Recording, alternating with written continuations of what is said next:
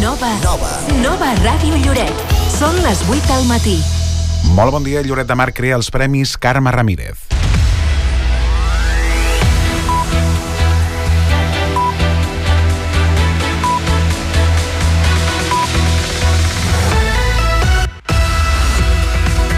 Lloret de Mar crearà uns premis que portaran el nom de la Carme Ramírez, la primera sergenta de la policia local que va morir a finals de l'any passat.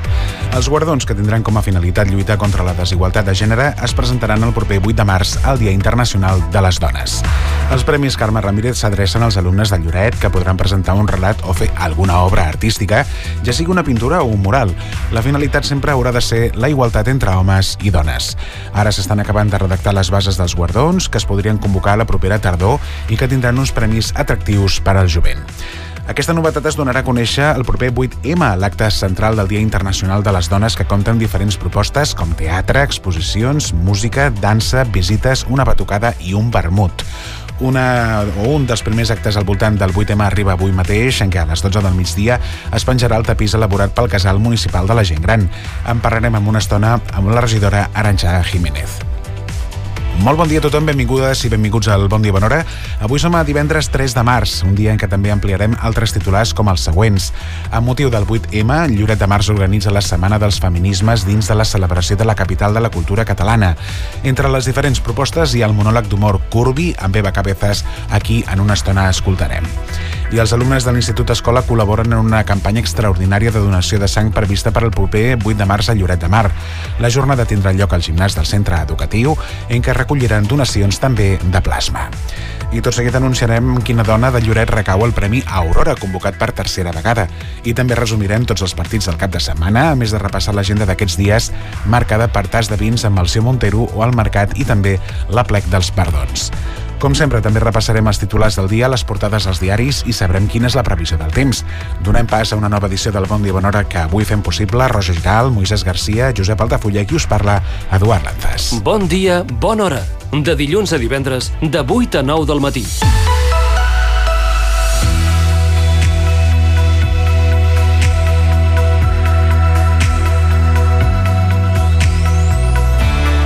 Passen dos minuts ara mateix de les 8 del matí, temps de refredats en l'amplitud tèrmica, el contrast entre les temperatures diurnes i les nocturnes. És el moment de saber quina és la previsió del temps que tindrem per avui divendres i també pel cap de setmana. Ens n'informa, com sempre, a Miquel Bernis. Molt bon dia, Miquel. Bon dia, matí de divendres, encara fred per l'època, temperatura mínima que ha baixat una mica dels 5 graus a la selva marítima de matinada i avui màxima que tornarà a quedar-se curta al voltant dels 12-13 graus aquest migdia, per tant, ambient encara fred per ser principis de març. A poc a poc la temperatura anirà pujant al llarg del cap de setmana, però li costarà al termòmetre de remuntar. Hem d'esperar màximes ja un parell o tres de graus més altes de cara a diumenge i aquesta dinàmica sembla que serà continuadament a l'alça de cara a la setmana vinent. Encara hi ha alguns dubtes sobre si a mitjans de la setmana que ve pot haver-hi una altra sotregada de la temperatura, però el més probable sembla que és que arribem al cap de setmana del 10 de març amb temperatures ja plenament primaverals i que al llarg de la setmana que ve progressivament, lentament, el termòmetre es vagi enfilant cada dia una mica més que el dia anterior. De moment, però, aquest cap de setmana encara nits fredes, temperatures mínimes al voltant dels 5 graus de matinada i, com dèiem, màximes que amb prou feina diumenge arribaran als 15 graus. Pel que fa a l'estat del cel, avui encara quedaran alguns intervals de núvols, però hem d'esperar un cap de setmana de temps molt estable i molt assolellat. Aquest dissabte amb predomini del sol i també diumenge potser arribaran algunes bandes de núvols prims, però el sol ha de ser el gran protagonista. Diumenge entrarà també una mica de vent de garbí a partir del migdia que es deixarà sentir moderat en molts sectors del sud de la Costa Brava. De cara a la setmana vinent hem d'esperar el pas de diferents sistemes frontals, però difícilment ens deixaran gran cosa més que quatre gotes a la majoria de comarques de Catalunya i encara menys a la selva marítima. Les precipitacions s'han de centrar a sectors del Pirineu Occidental i, per tant, tot i que la setmana que ve tindrem cel més variable i més intervals de núvols, difícilment arribaran a precipitacions gaire destacables. Gràcies, Miquel, per aquesta extensa crònica del temps. Ara mateix les dades meteorològiques indiquen que a Lloret tenim una temperatura bastant, bastant curta, 3 graus positius i també una, una humitat situada en el 82%.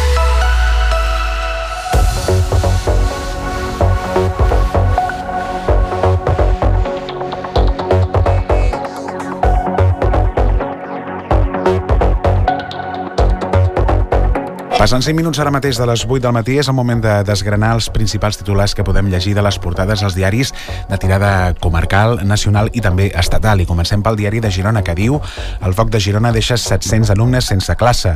Els negocis més afectats són l'Escola Tècnica de Girona i el concessionari Basolí, on s'hi han cremat fins a 300 vehicles. Risc a la zona quedi sense cobertura telefònica si una antena situada a la part més malmesa del teulat arriba a caure. Més notícies, el nombre d'aturats s'estanca a Girona i només cau un 0,35%. Les comarques gironines tanquen el febrer amb 32.836 persones sense feina. L'ordenança de tinença d'animals a Girona s'haurà de refer del tot, i és que la nova llei doncs, estatal provocarà canvis notables en la normativa municipal aprovada inicialment. En l'àmbit comarcal també el diari de Girona es fa ressò que el bisbat encara no pot cobrir les baixes del professorat de religió i tres ferits a la Junquera en llançar-se per un celobert en un operatiu policial. En l'àmbit esportiu, el DDG destaca que Mitchell demana la millor versió a Getafe i aturar la sagnia de gols en contra. I una entrevista a Eric Surís, que és l'entrenador del club bàsquet, en aquest cas Club Bàsquet Jairis, que diu la meva sortida de l'Uni és una situació passada i més que superada. Aquests són els principals arguments informatius que podem llegir del diari de Girona. Donem pas al punt avui que diu independència de proximitat. Balanç al cap de 40 anys de la separació de Girona que va restituir la identitat municipal de Sal i també de Sarrià de Ter i també amb una fotografia bastant, bastant il·lustrativa de l'estat malmès i després de l'incendi enderroc. El concessionari de motos i l'edifici de l'Escola Tècnica de Girona hauran d'anar a terra perquè el seu estat és de sinistre total. Més notícies. El forense del cas de la noia de Portbou té una teoria. Manté que la jove Evi es va posar ella mateixa la soga però que algú la va ajudar. I finalment resoltes les, al·legacions a les variants d'Olot i les preses, prudència en els ajuntaments abans de poder analitzar a fons com queden. Repassem més titulars a la resta de capçaleres d'aquest divendres. Comencem amb el diari El País, que explica que Ferrovial es va adjudicar contractes per 1.000 milions en l'etapa de Sánchez.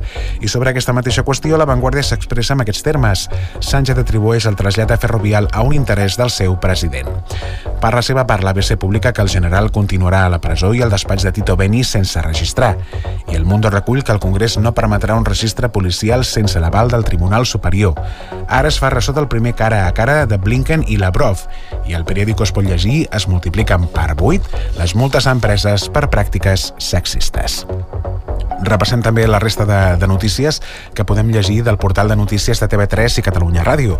Diu 1.447 euros el sou mínim per arribar a final de mes a l'àrea metropolitana de Barcelona. Es calcula que, que el cost mitjà de la vida en aquesta zona s'ha pujat un 38% de mitjana en els últims 6 anys. Putin denuncia un atac terrorista ucraïnès a pobles russos fronterers, però Kiev ho nega. Rússia assegura que un grup armat ha causat dos morts, però Ucraïna ho desmenteix i el grup de russos antiputin que ha reivindicat la incursió desmenteix cap atac a civils. Sánchez apunta directament a Del Pino de Ferrovial. Diu que no està compromès amb Espanya. El govern espanyol critica amb duresa la decisió de la companyia d'anar-se'n als Països Baixos. I Laura Borràs, aquí a Catalunya, torna a l'activitat després del judici més ferma i determinada que mai. La presidenta de Junts assegura que ha comprovat que davant la justícia espanyola no hi haurà mai cap independentista que pugui tenir un judici just. Idris Aukabir a un pas de complir condemna pels atemptats del 17A en una presó del Marroc. Compleix una condemna de 36 anys de presó per pertànyer a l'organització terrorista que va atemptar a Barcelona i Cambrils l'agost del 2017 i nanopartícules creades a la Universitat Autònoma de Barcelona impedeixen que el virus de la Covid infecti. Produir-les és barat i tindrien aplicació per combatre altres virus. I també ens fem ressò de l'acolliment de menors d'alta complexitat, el Pla Pilot de Suport i Teràpia en entorns familiars. Es tracta d'un pla pilot que replica el model guipuscoà especialitzat en famílies amb un membre qualificat i una retribució mensual neta de 2.300 euros. I 18 famílies a punt de ser desnonades per una estafa immobiliària tot i pagar el lloguer. Pagaven el lloguer a la immobiliària però l'empresa no ingressava els imports al fons d'inversió que és el propietari de l'edifici. Més notícies. El Lluçanès, futura comarca, i és que el govern preveu 4 anys de transició per posar-la en marxa. La Generalitat vol que es creï la comarca i una mancomunitat que serveixi de transició fins a les eleccions del 2027 i doni marge de decisió als pobles on van sortir no a la consulta del 2015. I Puto C1 de català, el vídeo viral d'una infermera de la Vall d'Hebron que se li gira en contra. L'hospital investiga els fets i diu que no representen el centre i Salut també ha obert un expedient per arribar al fons de la qüestió. Aquesta notícia també és força curiosa. TikTok avisarà els menors quan faci una hora que hi són, un gest sense efecte pels experts. És una de les primeres aplicacions que t'alerta del temps que consumeixes, però els experts diuen que ha de resoldre la verificació de les edats. I per últim, en esports, evidentment, a la Copa del Rei, la notícia de la jornada, màxima eficiència d'un Barça responsable al Bernabéu. Resultat final 0 a 1. Els blaugranes van fer un excel·lent partit en defensa i s'emporten un botí inesperat a l'anada de les semifinals de la Copa del Rei. Passen 11 minuts ara mateix de les 8 del matí, fem una petita pausa per la publicitat i de seguida desgranem una a una les notícies que us hem avançat en el sumari del Bon Dia Bon Hora d'aquest divendres, avui 3 de març del 2023.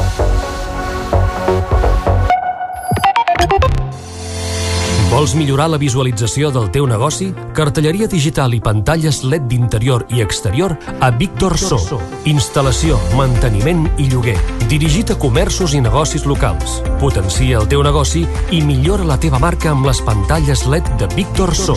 Ens trobaràs a l'Avinguda Vila de Tossa 5052 de Lloret de Mar. Telèfon 972 36 41 14. Centre Mèdic Loreto. Obtenció i renovació de permisos de conduir, llicències d'armes, seguretat privada, animals perillosos, obtenció de targeta de residència, tot tipus d'esports i la tramitació gratuïta del permís de conduir. Tenim el servei de medicina general, pediatria, psicologia i fisioteràpia. Treballem amb les principals mútues. Centre Mèdic Loreto. Carrer Verge de Loreto 53, al costat de la Policia Nacional. Telèfon 972 36 96 12 perquè tot el que fem surt del cor, la connexió més forta que pots tenir. I no només parlem de fibra òptica, telefonia mòbil i tots els nostres serveis. Et parlem dels sentiments de pertànyer a un lloc que estimes. Fitel Network. Orgullosos de connectar amb tu. Orgull de Lloret. Fitel, la fibra òptica i telefonia mòbil. Les connexions de veritat. Les del cor. El Mercat Municipal de Lloret t'ofereix productes frescos i de proximitat amb aparcament gratuït. Peix, carn, fruita, verdures fresques i queviures... Vine, tria, compra o fes el teu encàrrec. Trobaràs un tracte directe i de confiança. Els paradistes es posen a la teva disposició per aconsellar-te en els productes de la compra. Ara més que mai, vine al teu mercat. Vine al Mercat Municipal de Lloret. T'esperem al carrer Sènia del Revic, al costat de l'escola Esteve Carles. L'Ajuntament de Lloret de Mar informa. S'ha convocat un procés de selecció d'urgència per crear una borsa de treball de vigilants de platja adscrits a Protecció Civil. Per prendre part a la convocatòria cal estar en possessió del títol de graduat ESO, graduat escolar, tècnic auxiliar o titulació equivalent. Les instàncies es poden presentar durant els dies del dilluns 27 de febrer al dimecres 8 de març, amb dos inclosos, preferentment de forma electrònica per la seu electrònica de l'Ajuntament, a catàleg de tràmits, recursos humans, processos selectius de personal o a l'Oficina d'Informació i Atenció Ciutadana per cita prèvia. Davant la impossibilitat d'algunes persones aspirants a presentar les instàncies i la seva documentació de forma electrònica per falta de mitjans, cal posar-se en contacte amb la secció d'Organització i Recursos Humans enviant un correu electrònic a l'adreça recursoshumans.lloret.cat i es facilitarà dia i hora amb l'Oficina d'Informació i Atenció Ciutadana exclusivament per realitzar de forma presencial aquest tràmit. La secció de comerç de l'Ajuntament de Lloret de Mar organitza el cicle Gastronomia i Mercat, una iniciativa oberta a tothom per posar en valor els joves restauradors lloretencs, la gastronomia local i el mercat municipal. Propera sessió dissabte 4 de març a dos quarts de 12 del migdia a l'espai polivalent del Mercat Municipal amb el tas de vins lloretencs a càrrec de Melchor Montero, cap de sala del celler de Can Roca. Per participar al tas cal inscripció prèvia a lloret.cat barra gastromercat amb un aforament limitat a 30 persones. Per assistir com a oient no cal inscripció. Més informació a www.lloret.cat barra comerç. Nens, divendres al matí no puc quedar. Jo tampoc, ja us espavilareu. Uf, és que no sé, jo tinc un trasplant de mocs o de què, no sé de què era. A mi em sortirà un imprevist, eh, macos? Ja us ho dic ara. És normal que les agendes saltin pels aires. Els divendres a les 9 del matí, tothom està només pel cada cultura. ¿Pero qué estás diciendo tú? No siguis l'últim en fer-ho. Tranquila, mujer, tranquila.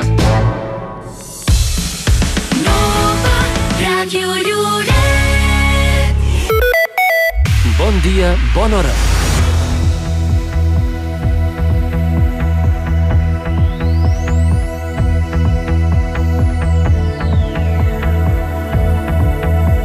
És un quart de nou en punt del matí, donant pas a aquesta hora del matí a la nostra companya Rosa Giral. Molt bon dia, Rosa.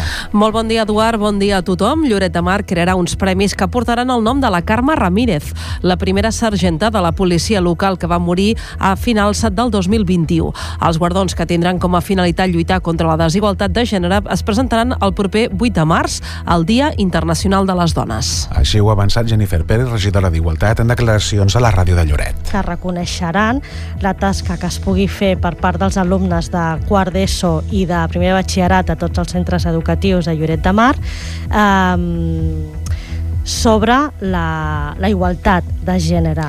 Els Premis Carme Ramírez s'adrecen als alumnes de Lloret que podran presentar un relat o fer alguna obra artística, ja sigui una pintura o bé un mural. La finalitat sempre haurà de ser la igualtat entre homes i dones. Ara s'estan acabant de redactar les bases dels guardons que es podrien convocar el proper, la propera tardor i que tindran uns premis atractius per al jovent. Aquesta novetat es donarà a conèixer el proper 8 tema, el dimecres que ve, en l'acte central del Dia Internacional de les Dones, que compta aquí a Lloret amb diferents propostes com teatre, exposicions, música, dansa, visites, una, bat una batucada i també un vermut. I un dels primers actes al voltant del 8M arriba avui mateix, al migdia, a les 12, en què es penjarà el tapís elaborat pel Casal de la Gent Gran al mateix balcó de l'equipament. En parlem d'aquest acte tan especial amb la regidora Aranxa Jiménez. Aquí tenim el telèfon. Molt bon dia, Aranxa. Hola, molt bon dia, Rosa. Explica'ns una mica com s'ha previst l'acte d'avui. Bé, doncs avui comencem amb els actes, com bé has dit, del, del 8M, amb la penjada del tapís, un tapís que es va confessionar eh, l'any passat. La veritat és que va ser tot un èxit perquè no esperaven tanta participació i, i va sortir un tapís d'uns 5 metres on, de, on de, quedarà guarnit tot el balcó de la Casa de la Cultura, la Casa de la, de la Gent Gran, i avui doncs, eh, penjarem aquest tapís. Hem convocat a diferents eh, entitats, a diferents grups del casal d'avis i, per tant, pues, eh, inaugurarem els actes del 8M allà a la Casa de Cultura. Ah, entenem que, és a dir, aquest tapís el vam, el vam poder veure l'any passat per primera vegada, és preciós, Aranxa, realment és un, un, un, un tapís molt bonic que fa il·lusió no, poder-lo tornar a penjar. Doncs sí, la veritat és que eh, és un goig i és preciós, els colors són els colors de la dona, la veritat és que cadascú va fer el seu retall, en van fer molts, moltes dones van participar i la veritat és que no esperàvem que quedés tan i tan maco i, i bueno, va ser un èxit i bueno, amb molta il·lusió de tornar a penjar aquest tapís i esperem que quedi per, per molts i molts anys. Com has dit tu, Aranxa, va ser un èxit i a més una feina col·lectiva en què molta gent s'hi va, va afegir, no? s'hi va sumar. Ah, Recorda'ns quanta gent hi ve, perquè era bastanta gent, no? Eh? La, que va, la, que va, la que va fer un trosset o més eh? d'aquest tapís que es va anar teixint. Doncs ara mateix el número exacte, Rosa, mm. no te'l sé dir, però sí que és veritat... Que hi havia que, molta gent, eh? Que hi havia molta gent i que van córrer la veu i que la gent no va fer, sobretot dones, no van fer un ni dos, sinó que van fer 20, 30, eh, els tapissos petits, els retalls petits, diguem-ne, uns quadrats, hi havia unes normes amb unes mires i uns colors, i a partir d'aquí doncs, va sortir molta gent que va voler participar. Uh, entenem doncs, que avui, és a dir, aquest tapís ha estat guardat eh, tot aquest temps? Exacte, ben guardat molt bé per tornar-lo a penjar avui i per tant animem a tothom que, que s'hi acosti perquè la veritat és que ens fa molta il·lusió no? nosaltres doncs, encetar els actes de, del 8M amb aquest guarnina al balcó de la Casa de la Cultura, amb aquest tapís tan i tan maco. Ah, Aranxa, ara que, ara, ara que, ho, que ho parlàvem, doncs, eh, hem consultat les notícies de la ràdio de l'any passat i van ser més de 100 persones eh, les que hi van col·laborar.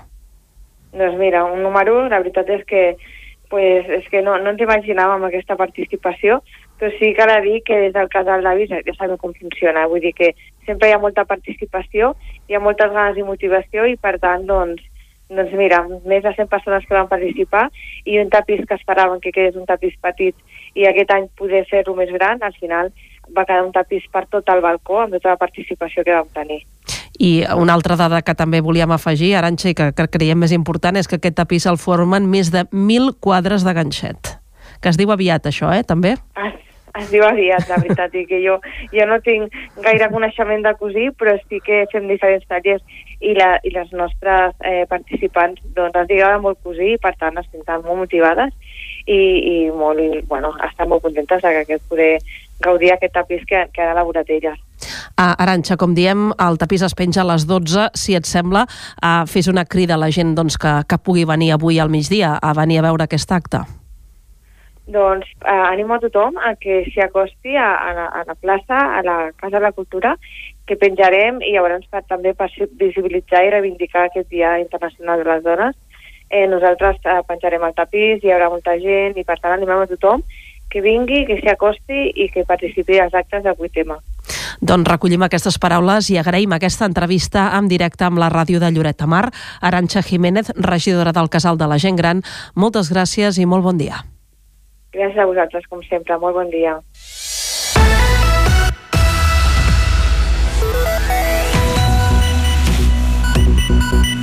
Bon dia, bona hora. De dilluns a divendres, de 8 a 9 del matí. Les 8 i 21 minuts del matí, amb motiu del 8 de març, Lloret de Mar organitza la Setmana dels Feminismes a dins de la celebració de la capital de la cultura catalana. Entre les diferents propostes hi ha el monòleg d'humor Curbi amb Eva Cabezas. Arriba el proper dimarts en què en aquest show l'actriu lloretenca busca l'acceptació de complexes i també destaca allò positiu de la, de, de la diversitat de talles, cossos i estils.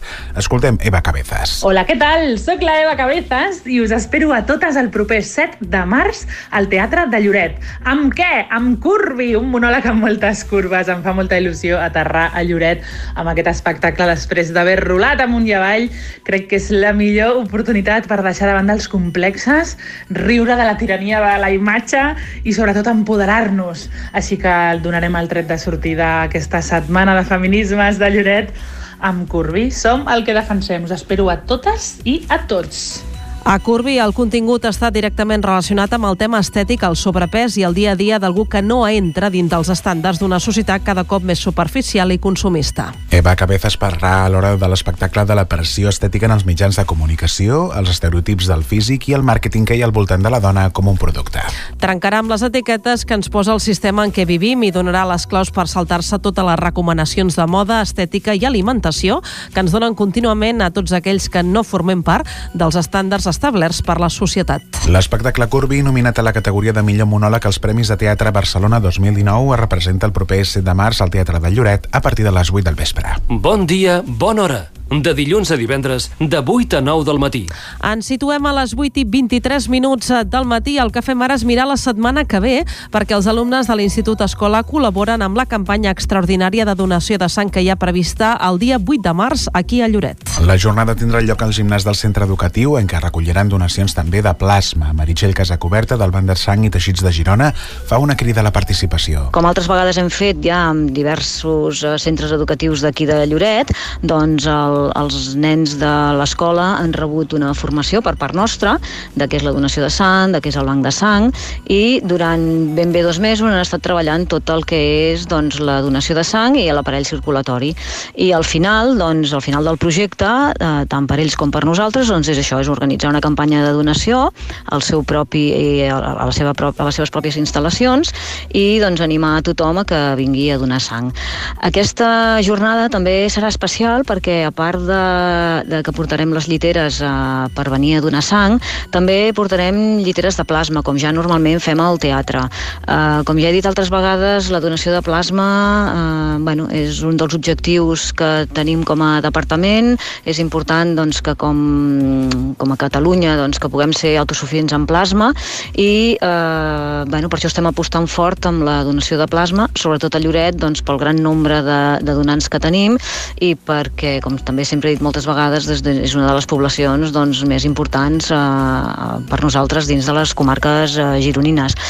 I, i res, doncs això, el, els esperem a tots, tant nosaltres com a Banc de Sang com l'Institut Escola de Lloret, el dimecres 8 de, de març, de 3 a 6 al gimnàs de, de, de l'Institut Escola i, i animar a tothom doncs, que vingui a donar sang i si algú s'anima a donar plasma doncs també es poden posar en contacte amb nosaltres mitjançant la pàgina web i, i també apuntar-se doncs, a donar algun dels dos components. La campanya de donació de sang amb la col·laboració dels alumnes de quart de primària es farà el proper dimecres, que és 8 de març, a la tarda de 3 a 6 a l'Institut Escola. Escoltem uns quants alumnes. Hola a tothom, som els nens i nenes de quart. Hem organitzat una campanya de donació de sang per ajudar les persones que necessiten sang. Durant tots aquests dies a la classe hem fet un sorteig de dibuixos i el més votat ha sortit el cartell, que podeu veure per tot el poble. També hem gravat anuncis per animar a la gent que vol donar sang i per explicar qui pot donar sang i qui no. La donació serà el 8 de març de 3 a 6 a la biblioteca de l'Institut Escola Lloret de Mar. Aquell dia estaran els alumnes de quart. Estarem allà per ajudar-vos i per cuidar-vos. Després de la donació us donarem menjar i beguda perquè us recupereu. Animeu-vos, al final de tot tindreu una sorpresa. Recordeu, donar sang és donar vida. A Catalunya calen 13.000 donacions per fer front a les necessitats dels pacients. Les festes i el fred són dos motius que provoquen que menys persones vinguin a donar sang. Malgrat això, els hospitals continuen amb la seva activitat. Per remuntar les donacions i cobrir les necessitats de les persones, doncs cal sang, eh, doncs que cal amb sang, que necessiten sang, volem dir. Demanem a tothom que es trobi bé de salut que vingui a donar sang, un gest que sempre és imprescindible. Tots els grups són necessaris, però especialment l'A negatiu i el zero negatiu. L'universal són els que ara mateix es troben en una situació més crítica. Avui hi ha menys de 6.000 unitats a les neveres del Banc de Sang, una xifra per sota del nivell òptim que se situa al voltant de les 8.000 unitats. Per poder remuntar aquestes reserves fan falta entre 1.100 i 1.200 donacions al dia. També és important que pot donar sang qualsevol persona que tingui bona salut, només que el que sigui major d'edat, que pesi un mínim de 50 quilos i que en cas de ser dona no estigui embarassada. Bon dia, bona hora. De dilluns a divendres, de 8 a 9 del matí. Anem ara a donar un nom doncs, eh, d'una guanyadora que hem sabut a les últimes hores. És Montserrat Sala i Vila, la guanyadora del Premi Aurora d'aquest 2023, tal i com han fet públic des de l'Associació de Dones l'Aurora. Van crear el guardó l'any 2021, dos anys enrere, per fer un reconeixement públic a dones o entitats que s'hagin distingit per la seva actitud i tasca en l'àmbit de la igualtat. Enguany s'havien proposat cinc candidatures i la Junta ha escollit una dona, Montse Sala, que fa anys que du a terme diferents estudis i investigacions que busquen remarcar el paper de la dona a la societat lloretenca del segle XIX i XX. És per haver estat pionera en treure la llum i donar visibilitat a perfils de dones fins ara no estudiats invisibles en una societat on tenien un rol secundari. Per aquest motiu, l'associació ha decidit atorgar el Premi Aurora 2023 a la seva tercera edició a Montserrat Sala i Vila. El premi serà entregat en el Teatre de Lloret el proper 12 de març, eh, 12 de març volem dir, en el marc del tradicional vermut de l'Aurora. Nens, divendres al matí no puc quedar. Jo tampoc, ja us espavilareu. Oh, és que no sé, jo tinc un trasplant de mots o de què, no sé de què era. A mi em sortirà un imprevist, eh, macos? Ja us ho dic ara. És normal que les agendes saltin pels aires. Els divendres a les 9 del matí, tothom està només pel cada cultura. ¿Pero qué estás diciendo tú? No siguis l'últim en fer-ho. Tranquila, mujer, tranquila. Exposicions per visitar a Lloret de Mar. Fins al 14 de març, visita l'exposició Por ser mujer a la Biblioteca Municipal. Una mostra sobre la violència de gènere, desigualtats socials, laborals, soledat, micromasclismes i fotografies més positives sobre l'apoderament, el feminisme, dies internacionals relacionats amb la dona i una fotografia en negre per a qui s'animi a posar un pòstit explicant les seves experiències. Fins al 14 de març, visita l'exposició Por ser mujer a la Biblioteca Municipal. Horari de visita de dilluns a divendres de 10 a 2 del matí i de 4 a 8 del vespre. Els dissabtes de 10 a 2 del matí.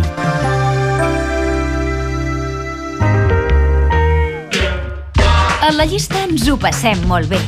¿Qué canción quiere que le ponga? Mira, espera un momentito. El día 14 cumplo los años yo.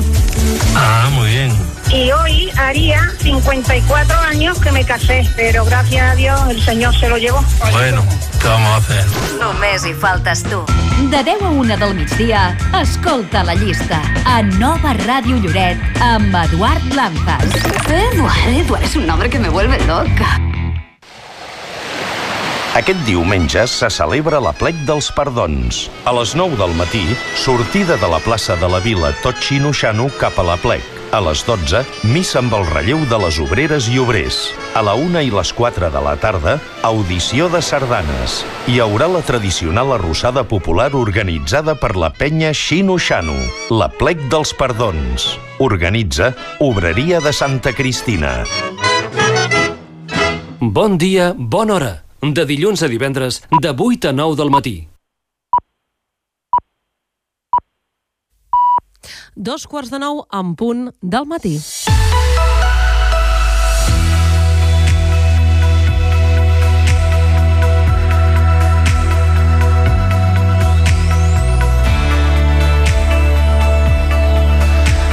El que fem ara en el Bon Dia, Bona Hora, recuperar la crònica del temps amb el nostre company, en Miquel Bernis. Bon dia. Bon dia, matí de divendres, encara fred per l'època, temperatura mínima que ha baixat una mica dels 5 graus a la selva marítima de matinada i avui màxima que tornarà a quedar-se curta al voltant dels 12-13 graus aquest migdia, per tant, ambient encara fred per ser principis de març.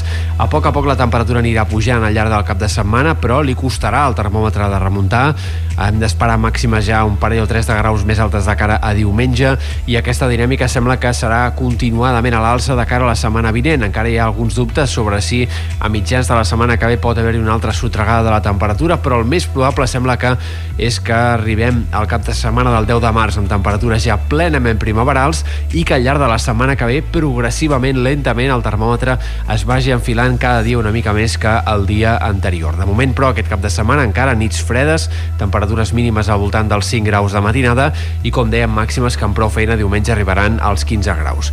Pel que fa a l'estat del cel, avui encara quedaran alguns intervals de núvols, però hem d'esperar un cap de setmana de temps molt estable i molt assolellat. Aquest dissabte amb predomini del sol i també diumenge potser arribaran algunes bandes de núvols prims, però el sol ha de ser el gran protagonista. Diumenge entrarà també una mica de vent de garbí a partir del migdia que es deixarà sentir moderat en molts sectors del sud de la Costa Brava. De cara a la setmana vinent hem d'esperar el pas de diferents sistemes frontals, però difícilment ens deixaran gran cosa més que quatre gotes a la majoria de comarques de Catalunya i encara menys a la selva marítima. Les precipitacions s'han de centrar a sectors del Pirineu Occidental i, per tant, tot i que la setmana que ve tindrem cel més variable i més intervals de núvols, difícilment arribaran a precipitacions gaire destacables. Gràcies, Miquel Bernis, per aquesta informació. El que fem ara és donar les dades que tenim ara mateix a Lloret de Mar i comencem amb la temperatura que és de 4 graus, mentre que la humitat se situa a aquesta hora en el 77%. FM.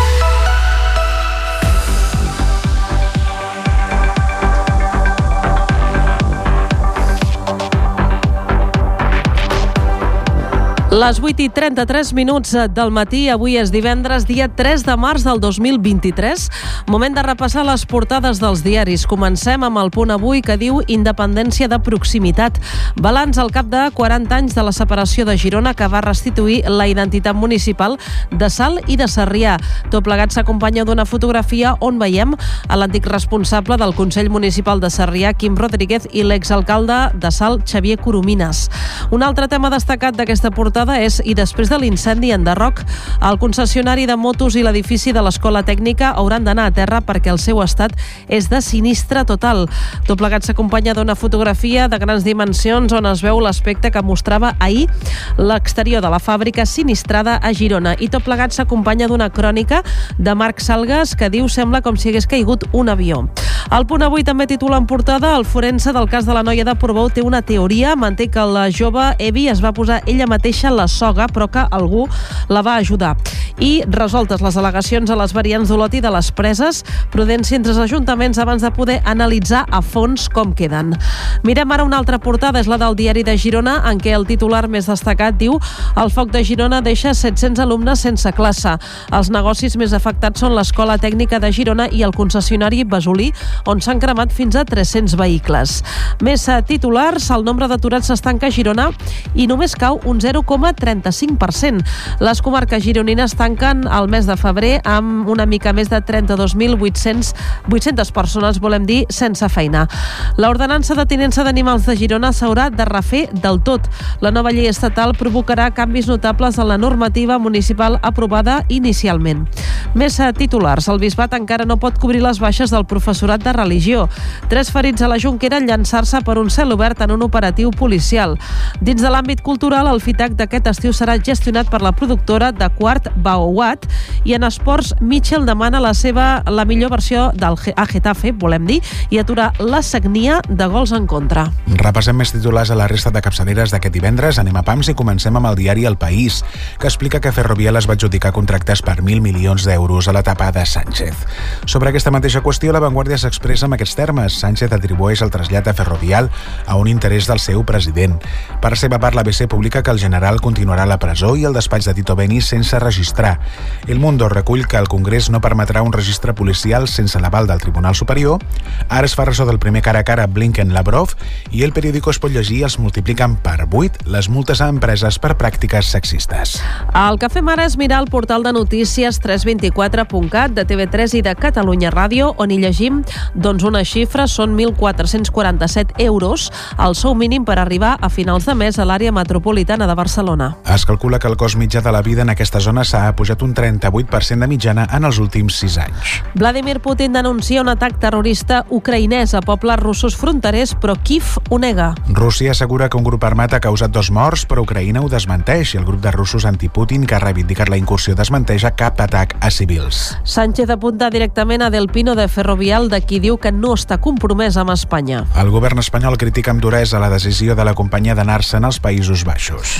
Laura Borràs torna a l'activitat després del judici més ferma i determinada que mai. La presidenta de Junts assegura que ha comprovat que davant la justícia espanyola no hi haurà mai cap independentista que pugui tenir un judici just. Dris Oukabir a un pas de complir condemna pels atemptats del 17 d'agost en una presó del Marroc. Compleix una condemna de 36 anys de presó per pertànyer a l'organització terrorista que va atemptar a Barcelona i Cambrils l'agost del 2017. Nanopartícules creades a la Universitat Autònoma impedeixen que el virus de la Covid infecti. Produir-les és barat i tindrien aplicació per combatre altres virus. D'altra banda, acolliment de menors d'alta complexitat, pla pilot de suport i teràpia en entorns familiars. Es tracta d'un pla pilot que replica el model riquipusquà especialitzat en famílies amb un membre qualificat i una retribució mensual neta de 2.300 euros. 18 famílies a punt de ser desnonades per una estafa immobiliària, tot i pagar el lloguer. De fet, pagaven el lloguer a la immobiliària, però l'empresa no ingressava els imports al fons d'inversió, que és propietari de l'edifici. Al Lluçanès, futura comarca, el govern preveu 4 anys de transició per posar-la en marxa. La Generalitat vol que es creï la comarca i una mancomunitat que serveixi de transició fins a les eleccions del 2027 i doni marge de decisió als pobles on va sortir no a la consulta del 2015. Puto, seu de català, el vídeo viral d'una infermera de la Vall d'Hebron se li gira en contra. L'hospital investiga els fets i diu que no representen el centre i Salut també ha obert un expedient per arribar al fons de la qüestió. TikTok avisarà els menors quan facin una hora que hi són un gest sense efecte per als experts. És una de les primeres aplicacions que t'alerta del temps que consumeixen, però els experts diuen que ha de resoldre la verificació de les edats. En esports, en la Copa del Rei, màxima eficiència d'un Barça responsable en el Bernabéu amb marcador de 0 a 1. Els blaugranes van fer un excel·lent partit en defensa i s'emporten un botí inesperat a l'anada de les semifinals de la Copa del Rei.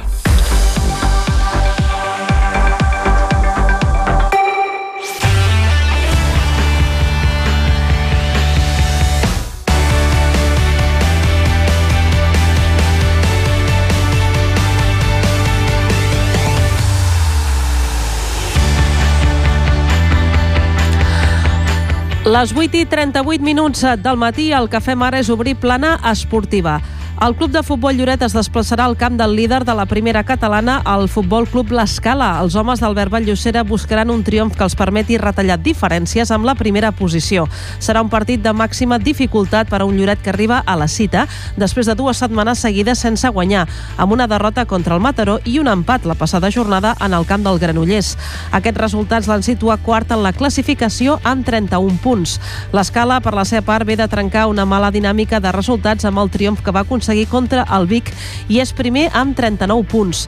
L'entrenador del Lloret, Albert Valllosera, destaca el potencial del conjunt rival però assegura que aniran amb molta motivació per sumar la victòria. Vas a camp del líder, amb uns números molt i molt bons i que a sobre s'ha reforçat, eh, amb un equip que, que és molt compacte, que li costa encaixar i a sobre fa gols. Vull dir, dificultat màxima, vas a casa seu, tenen bueno, eh, la motivació i la il·lusió per seguir al capdavant, bueno. i per l'altra part, doncs, la, la motivació, la il·lusió, les ganes nostres. Eh, venim de fer un molt bon partit a Granollers, de competir molt bé, de jugar molt bé, eh, intentarem seguir aquest camí, intentarem imposar-nos El partit del Club de Futbol Lloret al Camp de l'Escala jugarà aquest diumenge a les 12 del migdia. Repassem la resta de partits de Lliga del cap de setmana. També en futbol, en segona catalana, la Jove Lloret disputarà la penúltima jornada de la primera fase.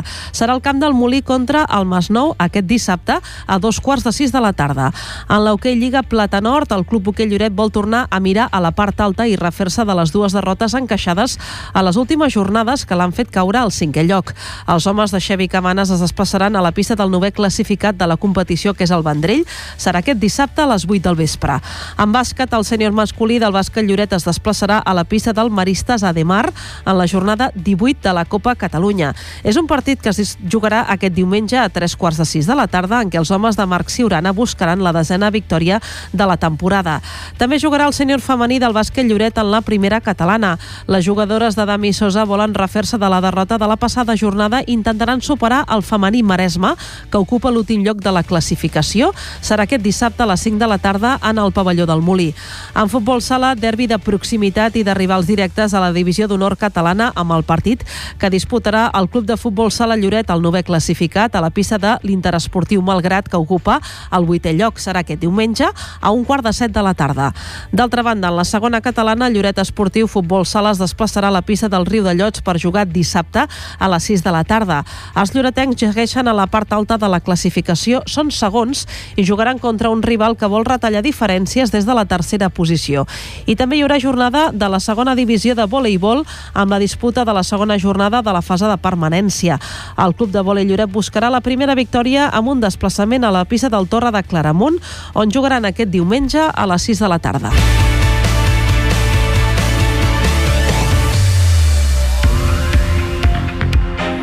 Bon dia, bona hora. De dilluns a divendres, de 8 a 9 del matí. Les 8 i 42 minuts del matí anem ara amb l'agenda cultural del cap de setmana, espectacle de dansa contemporània aquest divendres. En el Teatre de Lloret es titula Ina i va a càrrec dels ballarins canaris Paloma Hurtado i Daniel Morales. El ballerí assegura que l'espectacle atrapa des del primer moment i que és una creació molt especial. Ina para nosotros es un espectáculo bastante especial. Bueno, también pensamos que para todo el que lo ve, porque es un espectáculo en el que de verdad queremos eh, expresar esa necesidad de, de poder traspasar cualquier tipo de situaciones, pero juntos, ¿no? sentir la, esa conexión infinita con el otro. Y bueno, es un espectáculo visualmente precioso, ambientado en el espacio, es una mezcla entre un espacio onírico y de ciencia ficción. Hurtado i Morales han creat INA juntament amb Alfredo Diez Umpierrez, encarregat del disseny d'il·luminació, i és que precisament l'espectacle gira al voltant del concepte de la llum, en concret aquella llum que no veiem però que brilla amb intensitat a dins de tots nosaltres. Cuando empezamos a soñar despiertos con este proyecto, eh, imaginamos un viaje a través del universo. Y en este caso el diseñador lumínico, que es Alfredo Díez, pues ha puesto toda la carne en el asador y ha empleado un diseño maravilloso en el que sí, la iluminación es muy importante. De hecho, durante el proceso creativo, el diseño de, de iluminación se terminó de crear antes que la propia danza y también nos sirvió a nosotras para como inspiración para terminar de cerrar lo que viene siendo INA. L'espectacle de dansa Ina, que forma part de la capital de la cultura catalana, representa aquest divendres, avui, a partir de les 8 del vespre, al teatre. Passem a dissabte en què el lloretenc Malció Montero és el cap de sala del celler de Can Roca oferirà un tas de vins en el mercat municipal. La sessió forma part del cicle Gastronomia i Mercat i està tenint un gran èxit amb xefs com Fran Agudó o David Gou. Les dues primeres demostracions han estat de cuina. La d'aquest dissabte és diferent. Malció Montero donarà a conèixer els vins de la primera bodega de Lloret, Domini Sant Pere. Bon dia, bona hora. De dilluns a divendres, de 8 a 9 del matí. La sessió d'aquest dissabte a les 11 consistirà doncs, en poder tastar, tastar quatre vins de la primera bodega que tenim aquí a Lloret, el domini de Sant Pere, amb la idea doncs, de, de donar a conèixer el projecte i donar valor uh, a una feina que s'està fent molt bé de, per part d'en Dani Jiménez com a anòleg i d'en Nico Cabanyos, que estan al capdavant d'aquest doncs, d'aquest projecte. El públic podrà tastar fins a quatre vins diferents de, vines, de vinyes, volem dir, lloretenques i blanenques. Tastarem quatre vins, quatre vins de, de menys a més intensitat, eh? hi ha un blanc, un rosat i dos negres, un blanc que es diu blanc de Venesa, que, que està fet amb, amb varietat xarel·lo, de vinyes d'aquí pròximes a Lloret i Blanes. Vaig tenir sort de, de poder-lo provar directament de la bota i em va sorprendre molt, em va agradar molt. Llavors tenim un rosat que es diu a quatre grapes, que és un, una garnatxa negra amb una miqueta de, de moscat i macabeu, de varietats blanques, i bé, és un vi doncs, amb, amb notes molt, molt balsàmiques, eh, mediterrani, i amb, i amb molt bona acidesa. I per últim, dos negres. Un negre que es diu el Drac Roig de Sant Pere, que és un vi amb molta fruita, un vi que és molt i molt fàcil de, de veure i que podria estar a qualsevol carta de, de qualsevol restaurant aquí a Lloret mateix. I després un altre negre amb una mica més d'intensitat, un, un vi de, de gamma més alta i que ha passat un any i una miqueta més amb, amb bota. Malció Montero treballa des de fa 9 anys com a cap de sala d'un dels millors restaurants del món, el premiat celler de Can Roca. Fa 9 anys que hi treballo ja amb el Germen Roca, aquí al, al celler, i, i sí, sí, estic com a, com a cap de sala. Bé, la, la meva funció bàsicament doncs, és, és acompanyar i, i cuidar eh, a un client que, que ve al restaurant amb ganes de viure, de viure una experiència, que ve amb unes expectatives doncs, on nosaltres hem d'estar a l'altura. No? A part, eh, i que per mi és el més important doncs, seria també cuidar, cuidar l'equip, no? l'equip que està amb nosaltres, som 20 cambrers a, a la sala, doncs que aquest equip se senti cuidat, motivat, per, per al final transmetre la, la felicitat i el benestar que volem que, que transmeti a, a cada un dels clients durant aquestes 4 o 5 hores que dura, que dura el menú. Eh? La sessió amb el Sió Montero és aquest dissabte a dos quarts de dotze del migdia en el Mercat Municipal de Lloret. Per participar al tast cal inscripció prèvia al web lloret.cat barra gastromercat. L'aforament està limitat a 30 persones. Per assistir com a oient no cal inscripció. Passem ara diumenge en què el Club de Futbol Lloret organitza la tercera edició del Triangular Solidari de Veterans amb la participació del Girona i del Palamós. Es tracta d'una jornada benèfica en què els guanys es destinen sempre a una associació de la vila. En aquest cas, aniran a benefici de pas a pas que dona suport a persones amb autisme. A banda dels partits de futbol, al llarg del matí se sortejarà, entre altres regals, una samarreta del primer equip del Girona Futbol Club signada pels jugadors de primera divisió.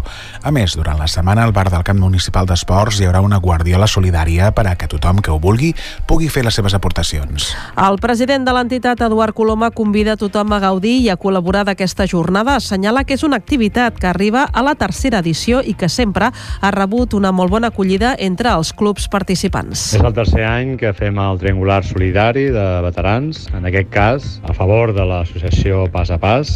La veritat que cada any eh, anem fent amb diferents associacions vinculades a Lloret de Mar. És una de les activitats que fa el club i que també ens orgulleix eh, poder continuar i veient que, que la veritat que els equips que demanem poder vindre venen amb molt contents i volen participar i això vol dir que les coses pues, es fan bé i esperem i desitgem que, que sigui participatiu. Des de l'associació Pas a Pas es mostren molt agraïts per la celebració d'aquesta jornada esportiva i benèfica.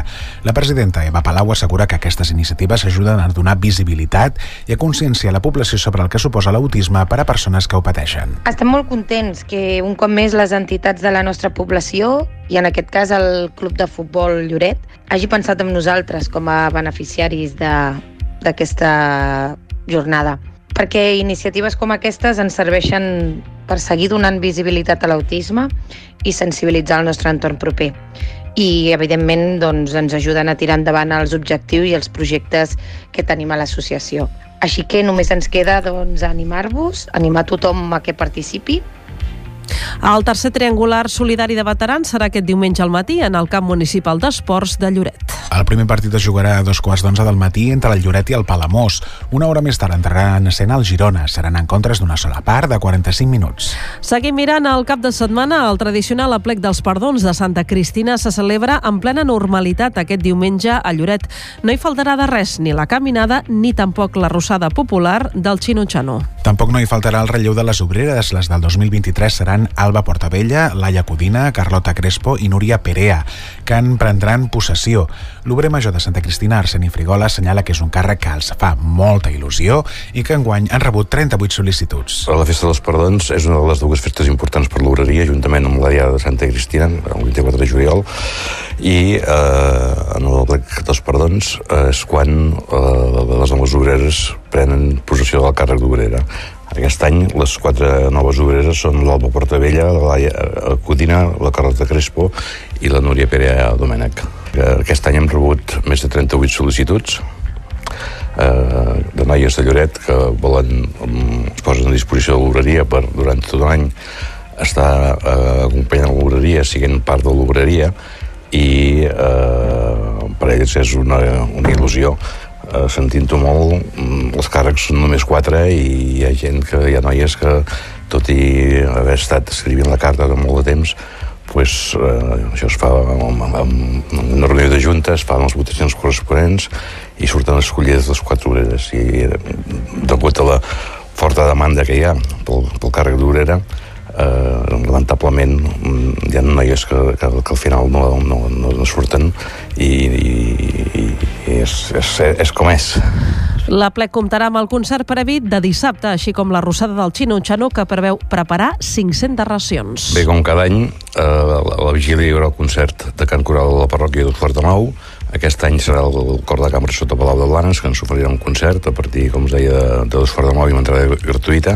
I l'endemà, eh, partir de les 12 es fa eh, l'ofici Santa Cristina. El Xinoxan organitza una anada a peu fins a Santa Cristina i acabada de, de, un cop acabat l'ofici es fan sardanes i a continuació la Rosada Popular en col·laboració amb el, amb el Xinoxano. Aquí, com des de l'obreria, els agraïm aquesta col·laboració. Aquest any es fa 37 anys que venen col·laborant amb l'obreria en aquesta festa important pels llibretencs i per tant els volem agrair aquest fet i a la tarda un cop acabat el dinar a les 4 tornen a haver-hi sardanes per concloure a la plec. La jornada començarà a primera hora del matí amb la caminada que organitza el Xinoxano des de la plaça de la Vila. La sortida serà a partir de les 9 del matí i es passarà pel nou camí de Ronda. Durant el recorregut es farà una parada per esmorzar a Illa d'Esbot i una visita als jardins de Santa Clotilda. Ja al migdia, a les 12, comença la missa amb la veneració de Sa Relíquia, el cant dels goig amb el cor Alba de Prima i també la presa de possessió de les noves obreres. La festa, de, la festa també comptarà amb la rossada popular que prepara el Xinoxano amb 500 racions. A més, hi haurà sardanes a la 1 i a les 4 amb la copla principal d'Olot. Fem ara una darrera recomanació de l'agenda del cap de setmana. L'Escoton és el premiat espectacle de Titelles que arriba aquest diumenge en el Teatre de Lloret amb un missatge clar. Les històries viatgen a través de les emocions i les emocions no tenen edat. Escoltem la directora del teatre, Amaranta Givert. L'Escoton és un meravellós espectacle de Titelles d'una companyia basca, Anita Maravillas, que explica eh, una història de companyerisme, de suport. Una mare amb dues filles que marxen del seu poble per tal de trobar una vida millor. Una de les filles és somiadora, eh, creativa, l'altra és molt més pràctica, però el que es troba la mare a la ciutat és que a causa de la feina, una feina eh, que l'esclavitza, no les pot cuidar. Arran d'aquesta situació eh, apareixen eh, les treballadores de la fàbrica tèxtil, eh, s'uneixen per tal d'aconseguir millors condicions laborals. Per tant, una història de sororitat, de companyerisme, de superació i que, a més a més, aquest espectacle ha guanyat eh, nombrosos premis. Ha estat candidat als Premis Max, ha guanyat, va guanyar el Premi al millor espectacle de Titelles a FETEN, que és la fira d'espectacles infantils de Gijón, eh, d'espectacles infantils de l'estat espanyol més, eh, més rellevant, i també va guanyar un premi a la Fira de Titelles de Lleida.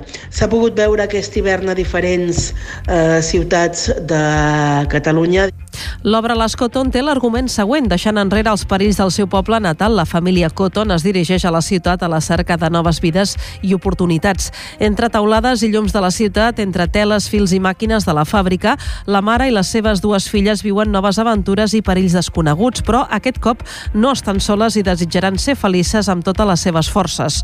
Un cop més, el Teatre de Titelles ens permet crear un imaginari, una estètica i uns codis que ens ajuden a explicar conceptes adults al públic més petit. Donem pas a una de les actrius, Miren Larrea. Las Cotton de Anita Maravillas Teatro es un espectáculo de títeres con una estética muy muy cuidada que nos cuenta la historia de la familia Cotton. Una familia formada por una madre y sus dos hijas. Esta familia huye marcha de su pueblo natal, de un mundo rural, a la ciudad en busca de nuevas oportunidades. Pero en busca de esas nuevas oportunidades también encontrarán nuevos peligros y nuevas aventuras a las que tendrán que hacer frente todas juntas. Eh, os invitamos a ver este espectáculo en el que los adultos viajamos a través de la mirada de la madre y donde los más pequeños y las más pequeñas disfrutarán y se divertirán con las travesuras de las hermanas. Es un espectáculo de amor y resistencia en el que esperamos que toda la familia lo disfrute un montón. L'escoton de la companyia Anita Maravilles del País Basc va rebre el Premi FETEN del 2021 al millor espectacle de titelles. L'obra forma part dels actes del 8 de març, el Dia de la Dona Treballadora, així com de la celebració de la capital de la cultura catalana. L'escoton, obra sense text recomanada a partir de 5 anys, es representa aquest diumenge, que és 5 de març, a les 12 del migdia. Bon dia, bona hora. De dilluns a divendres, de 8 a 9 del matí.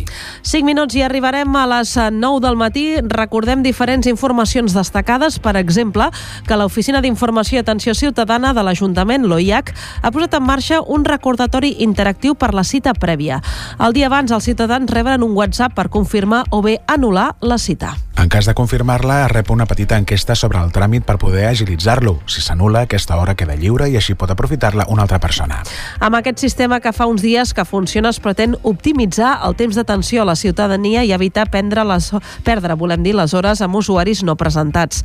Ho explica el regidor de l'OIAC, Xavi Flores. Que molta gent realitzava la cita prèvia però finalment no hi acudia i, i ens trobàvem gent que necessitava cita prèvia per aquell mateix dia i, i malauradament no quedaven lliures perquè estaven ocupades i d'aquesta manera el que busquem és això, optimitzar els, els recursos, les visites i, i donar un millor servei al ciutadà.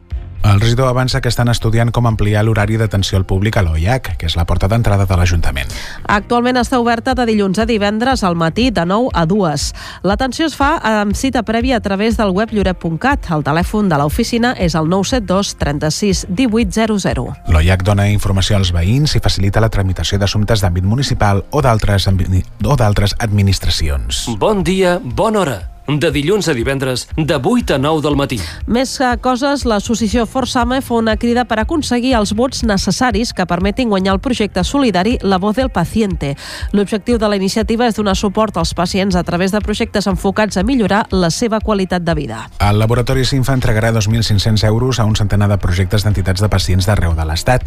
Per escollir-les, però, s'ha obert un període de votació popular a través d'internet. El president de Forsame, Pipo Molina, demana la col·laboració de tothom per aconseguir aquesta aportació que ajudaria a finançar la investigació de l'atròfia muscular espinal. Ens hem presentat a la tercera edició de l'Acció Solidària de CINFA, La Voz del Paciente, on es busca donar visibilitat als pacients i a les entitats que treballen dia a dia per millorar la seva qualitat de vida. I en aquesta tercera edició, doncs, CINFA entregarà 100 aportacions de 2.500 euros a les 100 associacions més votades i és tot molt senzill, molt fàcil. S'ha de clicar un link que tenim penjat a totes les nostres xarxes d'associació Forsame. S'ha d'anotar el número de telèfon i acte seguit eh, arriba un eh, missatge amb uns números que s'han de col·locar a la casella on et demanen i així valides el vot i en 10-15 segons ho tens fet. És molt senzill, molt fàcil i cal destacar que les dues primeres edicions, gràcies als vots de tothom que ens va ajudar, doncs ja vam aconseguir aquestes aportacions de CINFA. El període de votacions està obert fins al 15 de març. Aquesta és la tercera edició del projecte solidari en què l'associació Lloretenca Forsame ha rebut aportacions en els dos anys anteriors.